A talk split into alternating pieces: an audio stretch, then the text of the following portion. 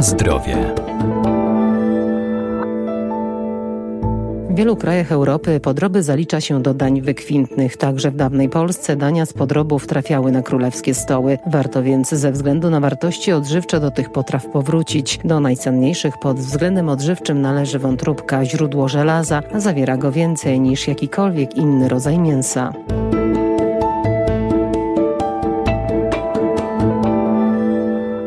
Podrobami niegdyś zajadali się wszyscy, potem ich renoma zmalała, a warto je spożywać, bo to źródło łatwo przyswajalnego białka, a także witamin, choć jak wszystko trzeba to robić z umiarem. Podroby w Polsce zwykle były zastępnikiem mięsa. W innych krajach, chociażby Francja, Włochy, Hiszpania, podroby cieszą się niesamowitą popularnością. U nas też były to często potrawy, które trafiały na królewskie stoły. Dr Dariusz Stasiak, Wydział Nauk o Żywności i Biotechnologii Uniwersytetu Przyrodniczego w Lublinie. W chwili obecnej te podroby, no cóż, raczej zagościły na stałe na nasze stoły już jako potrawa bardzo pospolita. Generalnie podroby zawierają szereg witamin, które są nieobecne albo w niewielkich ilościach w innych y, pokarmach, na przykład w roślinnych pokarmach. Generalnie, bo tu trzeba mówić o podrobach jako takich, zawierają witaminy z grupy B, czyli rozpuszczalne w wodzie, B1, B2. Zawierają witaminę PP, zawierają również witaminę C, co jest swoistym ewenementem i warto podkreślić, że podroby są niesamowicie cennym pod tym względem składnikiem naszych potraw.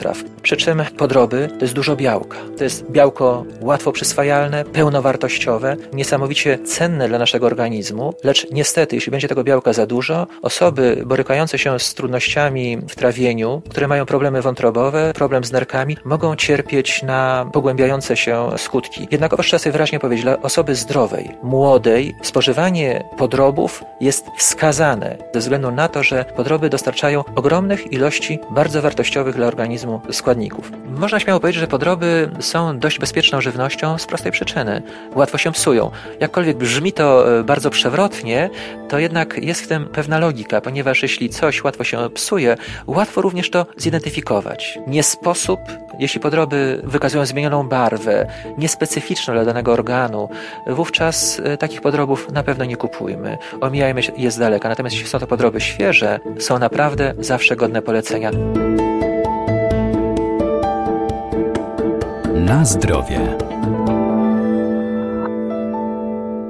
Wątróbka dzięki swoim zaletom znajduje uznanie na całym świecie. Zawiera szereg wartości odżywczych cennych dla naszego zdrowia. Jej spożywanie zapobiega niedoborom żelaza i chroni przed anemią. Nawet ta popularna wątróbka, którą jadamy dość często, bo jest powszechnie dostępna w sklepach, może być przygotowana jako potrawa bardzo wyszukana. W ogóle wątroba jako ten bardzo popularny składnik naszych potraw jest niesamowicie wartościowym elementem tuszy. Przede wszystkim zawiera bardzo dużo witamin. Zawiera żelazo. Żelazo w formie chyba najlepiej przyswajalnej przez organizm człowieka. Zawiera wiele cennych składników mineralnych, których nie znajdziemy w innych elementach tuszy. Kuchnia staropolska cechowała się y, dużą ostrością, dużą ilością y, przypraw używanych do przygotowania potraw. Była to kuchnia niewątpliwie bardzo ciekawa. To jest nasza historia. Ja raczej bym skłaniał ku temu, żeby spojrzeć na podroby jako potrawę wyszukaną dla koneserów, dla smakoszy, dla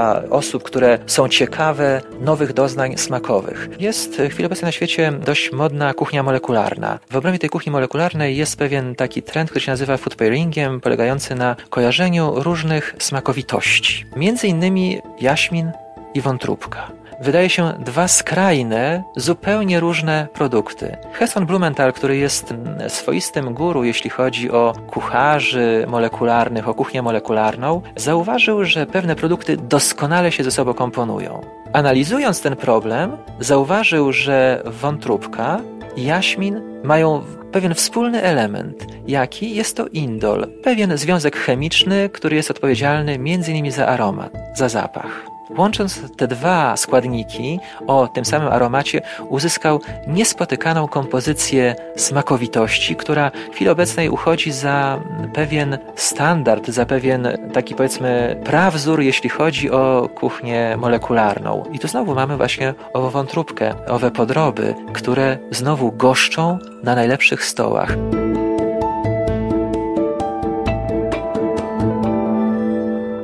Za najzdrowszą uznawana jest wątroba cielęca oraz wołowa. Najwięcej wątpliwości pod względem jakościowym budzą te pochodzące z dużych, przemysłowych hodowli, zarówno wieprzowe, jak i drobiowe.